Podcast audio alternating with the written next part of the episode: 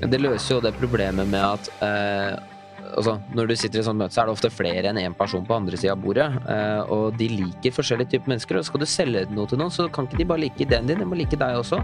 Og hvis du da er to forskjellige personer, så er det lettere for de at de liker minst én av dere.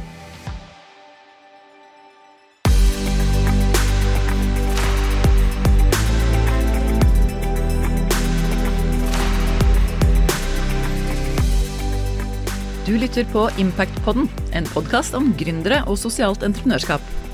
Podkasten presenteres av Ferd sosiale entreprenører, og jeg er Katinka Greve Leiner. Vi er tilbake med episode fire av Impactpoddens andre sesong, og i dag skal vi ta for oss hvordan man går frem for å selge. Og dette er kanskje det punktet hvor flest sosiale entreprenører jeg har møtt, sliter lite grann. For hvordan får du kontakt med noen som trenger det du vil levere, og ikke minst, hvordan skal du tørre å spørre dem om å betale for det? Jeg har med meg gründerne av Medarbeiderne og Virvap, og begge er i dag forretningsutviklere i Impact Startup, Feids akselerator for sosiale entreprenører i tidlig fase. Chris Klemtvold Sandvik og Lise Arvesen, takk for at dere er med i dag. Veldig hyggelig å være her. Og vi går rett på sak, Lise. For du har vært helt rå på salg i egen virksomhet, og du har hjulpet bl.a. Chris her i Medarbeiderne, samt Anne Stine i Generasjon M med å få økt sitt salg. Så hva er det som må være på plass for å lykkes med det å selge? Jeg tenker at alt starter med seg sjøl. Du snakka om det å vite hvem man skal selge til, og, og, kjenne den. Men jeg opplever jo at den største sperra er i oss som skal gjøre jobben. Og at vi gjerne vil at noen andre egentlig skal gå ut der og presentere. Så jeg snakker ofte med mine, hvis jeg kan si gründere, om det å være i en sånn komfortsone. Jeg har tre sånne ringer, den er jo kjent, denne komfortsona. Og så har du den neste fasen hvor du strekker deg litt. Da er du liksom ute på områder som ikke du er så kjent på, men det går bra. Du føler at du har kompetansen. Og så er det den ytre tredje sirkelen som er panikk. Da får du helt virkelig hetta. Og da gjør du ting du føler at ikke du er kompetent til i situasjoner som ikke er kjent, med mennesker du ikke kjenner. Så det å tenke at vi liker jo å være i denne komfortsona, hvorfor i hule liksom skal jeg ut og strekke meg og, og oppleve kanskje panikk, da. Så, så, når jeg tegner opp den, så opplever jeg at noen skjønner ok, da jeg, jeg skal ut, og jeg skal strekke meg. Så det er en sånn mental øvelse, tror jeg ofte, som mangler, at vi tror det er bare å gjøre det. Vær veldig sånn ærlig med deg sjøl. Og, og, jeg sier jo at salg Det er ingen som har lyst til å bli omtalt som selger, vet du. Det er jo det store paradokset. Ingen vil jo liksom ha det på visittkortet. Mens jeg tenker at det jeg gjør, som jeg er så glad i, er å hjelpe folk. Til å, jeg skjønner folk, tror jeg, og så kan jeg hjelpe dem til å få det sånn de vil. Så for meg er salg å hjelpe.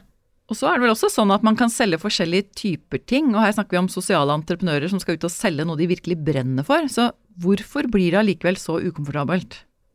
Nei, og det er jo så rart. Det er jo det som er så rart, fordi mange sier jo da at det, Jeg spør jo mange hvis dere får liksom 500 eh, 000, og hva bruker dere dem til? Nei, da skal man ha sånn salgssjef. Skjønner du? Det er første de skal ha, er sånn salgssjef. Og da tenker jeg, men det er jo du som har kommet på ideen, ikke sant? Som har tatt jobben med målgruppa forstått hele poenget. Du er jo den beste til å forklare dette til andre. Men du trenger bare litt hjelp til å bli trygg. Det handler om å være trygg i nye situasjoner. Og da er det igjen trening. Og du Chris, du har vært opptatt av det å kjenne kunden sin, og resonnerer det Lise sier her med deg? Ja, absolutt. Altså, jeg opplever at uh, mange av sosiale entreprenører er, er, de beste til å selge sin egen tjeneste. Uh, selv om de på en måte uh, sier nei, jeg er ikke noen selger, så er det de de brenner sånn for det de tror på, at det, det, er de som selger det best. Og så trenger de kanskje noen verktøy og litt struktur, og så må de forstå Det er veldig mange som har mye å gå på når det kommer til det å forstå at man må se problemet fra kundens side. Ikke sånn som du opplever det, ikke sånn som målgruppa opplever det.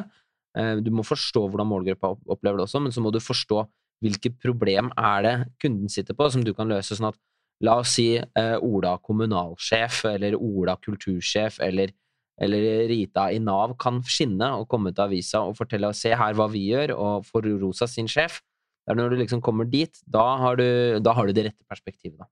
Da kan du gi dem storyen, liksom. Mm. 'Dette kan jeg hjelpe deg med, og du kan bli en stjerne hvis du bare samarbeider med meg'. ja, kanskje ikke, ikke, selge det inn på den måten, men, men, kanskje sånn at de skjønner at de, de, får gjort de tingene de skal gjøre i sin jobb, da. Det som forventes av de.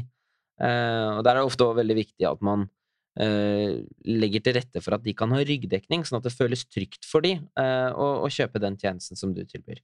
Mange opplever at det, i møte med sosiale entreprenører så kan det være utrygt, eh, fordi, nettopp fordi det er nytt, da, litt som Lise var inne på i forrige episode.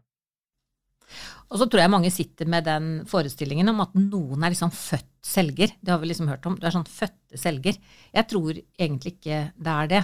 Det handler om at du har lyst. ikke sant? Det handler jo veldig mye om motivasjon. At du ser målet ditt der framme og skjønner at hvis jeg skal nå dit, så må jeg gjøre noe. Og da kanskje jeg må endre meg litt, eller jeg må trene meg for å bli denne trygge varianten ikke sant, som, som skal presentere der ute.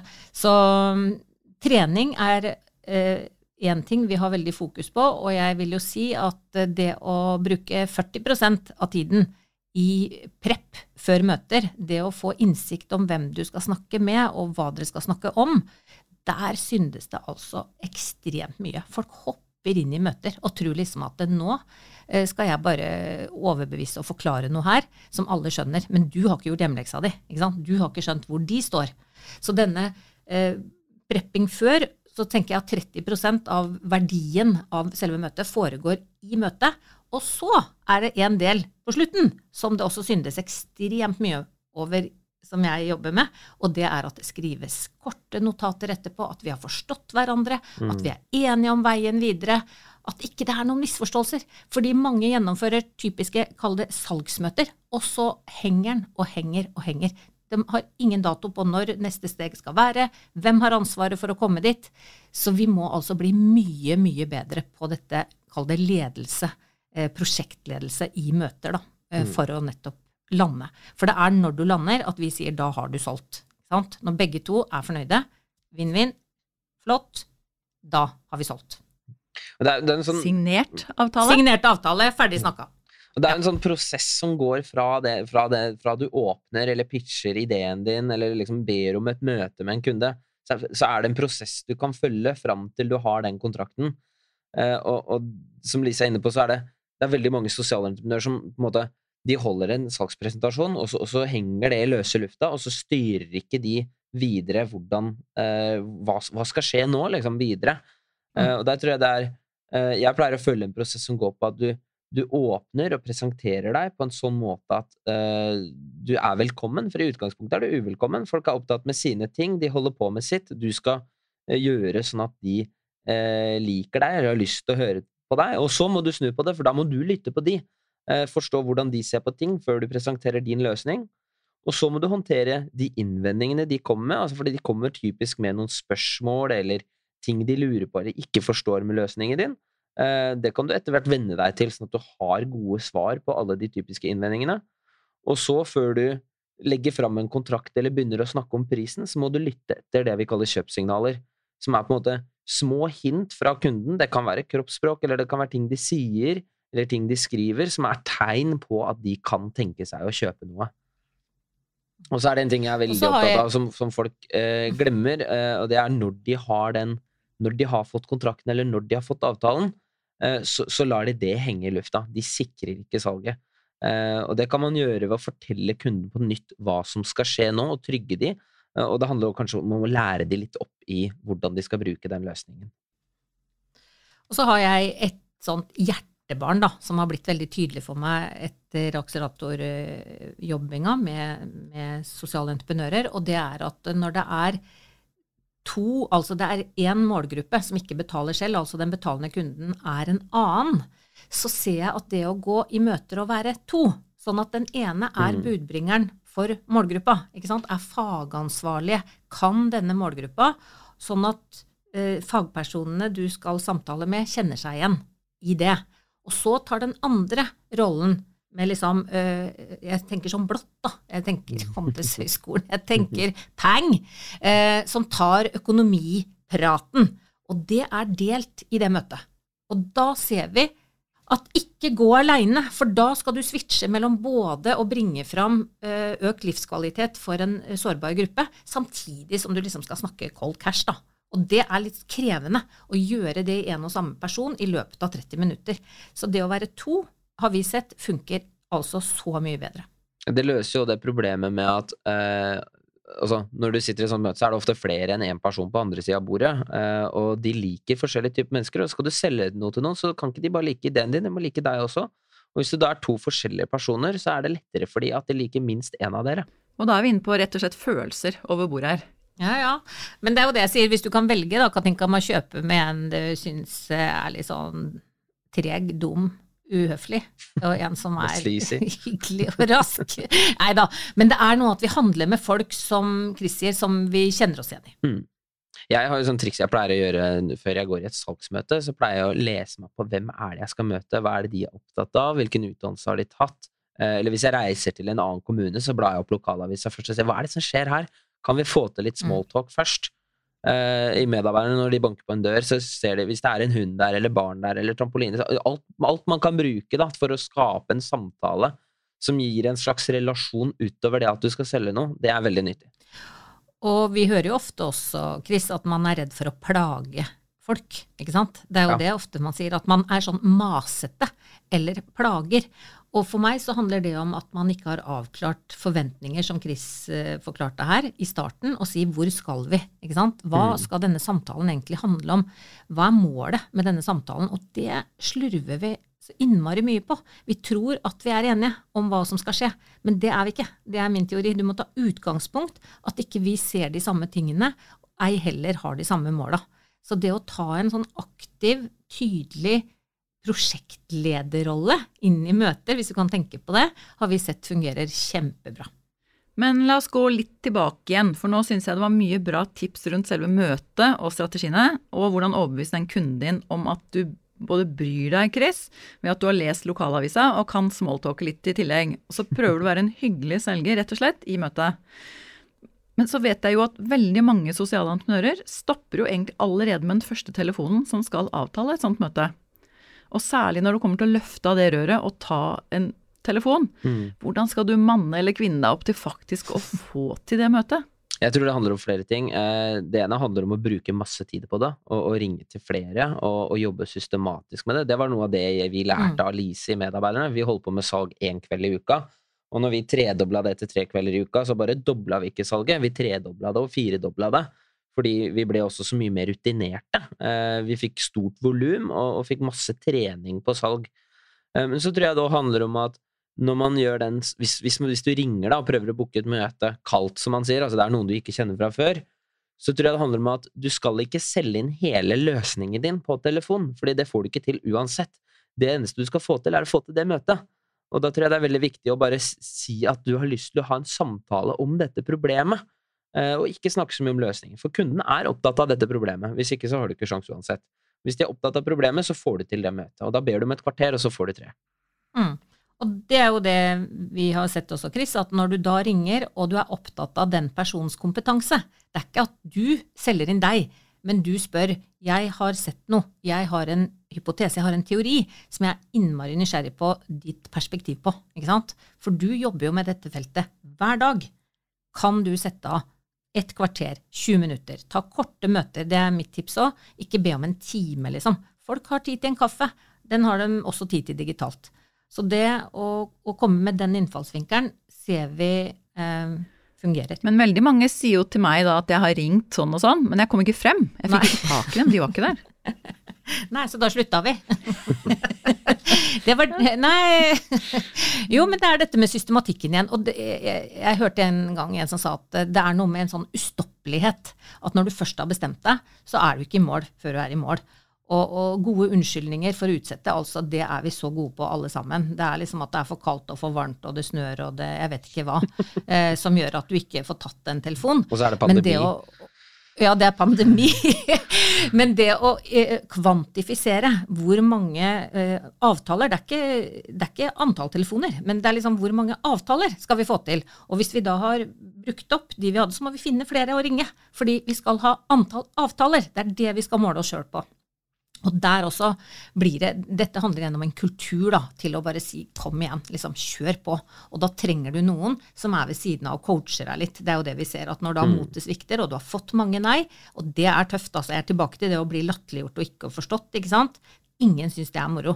Så det er liksom å klare å hente seg inn, og det jobba vi også med i medarbeiderne, Chris, at når noen sa nei takk, virkelig ikke, det trenger jeg ikke, så trena vi på det å ta imot det uten å ta det personlig. Mm. Ref det jeg sa i stad om babyen, liksom. Ikke, de sier ikke nei til meg, de sier nei til tilbudet eller ideen. Det må du klare å takle. Det er ikke deg. Og da har jeg lyst til å trekke frem, for de som ikke kjenner dere så godt, da, det som Lise refererer til nå i Medarbeiderne. For det er jo de medarbeiderne dine, Chris, som går på dørene og selger, og som faktisk har aktiv rusbakgrunn. Ikke sant? I forhold til om man er en naturlig selger eller ikke. Mm. Så tenker jeg at dere har klart å løfte folk som verken driver i business eller salg, opp til å bli veldig gode selgere. Og det som er Mm. morsomt der, er at det- de, de beste selgerne er de som sa når vi møtte de at de ikke var selgere. Eh, Ja. Men de eier jo problematikken sin selv. Det er ingen som kan sette fast de på rusproblematikk og, og rusfrie arbeidsplasser. Så det er lett, lett for de å, å selge inn. Men de er også, eh, som selgere, og som veldig mange selgere og sosiale entreprenører vi møter, gode på det med unnskyldningene, som Lise sier. Eh, så en morsom øvelse jeg har gjort der, det er å få folk til å skrive ned alle unnskyldningene og alle grunnene til at det ikke blir salg, på en lapp, og så krølle den lappen og kaste den. Og så heller fokusere på neste samtale. Og så så vi jo det også, Chris, at når de trente inn åpnings... Hva skal jeg si Pitchen. setningene sine, Mm. ikke sant? At det var så trygt. At de visste hva de skulle si. liksom Skulle ikke si noe nytt hver eneste gang. Og så betyr ikke det at du bare kan repetere, men det vi så da, var at noen responderte på det at de hadde mye søppel hjemme, Chris, som trengte å, eller pant som trengte Mm. å bli henta. Så da var det fort inn på den. Mens andre, fordi denne pitchen som vi kaller det, var jo todelt. Den ene var å forklare at dette er arbeidsplasser for tidligere rusavhengige. Og så tegner du et abonnement her, så bidrar du faktisk til at dette skjer. Mm. Noen responderer veldig positivt på det, andre var ikke så opptatt av det. De var mer opptatt av å få panten sin henta, ferdig. Og det å vite at du snakker forskjellig med forskjellige folk, det, de syns Det er igjen hva er viktig for de. Og det er de som er dyktige i sånne situasjoner, som vi sier dyktige selgere. De skjønner fort hvor denne personen er, hva som er viktig for de. For det er det. Da hjelper vi de til å få løst det problemet, eller få gjort noe med det. Det Lise snakker om der, er det vi kaller speiling, eh, som, som er like viktig hvis du møter en kommune. At du, at du må se hva er de opptatt av, de på andre sida av bordet, og så må du justere det du sier etter det. Men dere var inne på noe annet som jeg hadde lyst til å ta avslutningsvis her nå. Og det er jo at hvis du får et nei, eller du får 100 nei, da, så opplever jeg innimellom at da gir de litt opp. For den kunden som de hadde sett for seg skulle kjøpe dette, sa nei. Men det dere sier nå, det er egentlig at du må ha 18 forskjellige innganger til noen forskjellige kunder eller forskjellige personer da, inne hos denne offentlige enheten f.eks. Så ikke bind deg opp i én eneste inngang, men angrip fra veldig mange forskjellige kanter. Er det riktig sånn? Ja, jeg tenker at det absolutt er riktig. Og her er det igjen læringa. Når du får et nei, så ligger det ekstremt mye læring i det. Hvis du tør å spørre hva skal til, ikke sant. Hva er det som gjør at du velger å si nei takk? Tør du å spørre om det, så kan du virkelig begynne å bygge om både tjenesten din, produktet ditt over tid, da. Og, og svare ut det som kanskje flere er opptatt av, enn det du så i starten. Så hvis vi da skal prøve oss på en liten kort oppsummering av hva vi har forsøkt å lære i denne episoden, så er det altså at du må forstå kunden din, hva de trenger å løse for å skape suksess hos seg. Og så må du sette deg helt konkrete salgsmål. Hvor mange salgsmøter, hvor mange telefoner må jeg ta? Du må gjøre deg noen hypoteser rundt det. Og så bare gå for målene dine. Og du må tørre å bare gå for salget. Du må tørre å faktisk lede den prosessen helt til de har signert avtalen. Sant? Mm. Og du må tåle å få nei. Ikke minst. Du må tørre å være litt tøff i dette, og du må utenfor komfortsonen, som du sa i stad, Lise. Men det er bra, da har vi blitt litt bedre på salg i denne episoden. Men det er ikke ferdig med det, for i neste episode så skal vi ta det dypdykket ned i hvordan man går frem hvis kunden er det offentlige. Da kan det fort bli litt mer komplisert enn det vi har vært gjennom nå. Så da skal vi få lov til å kose oss med et favorittema. Hvordan selger du til det offentlige? Så følg med oss i neste episode av Impactpodden, men for i dag, tusen takk for at dere lyttet.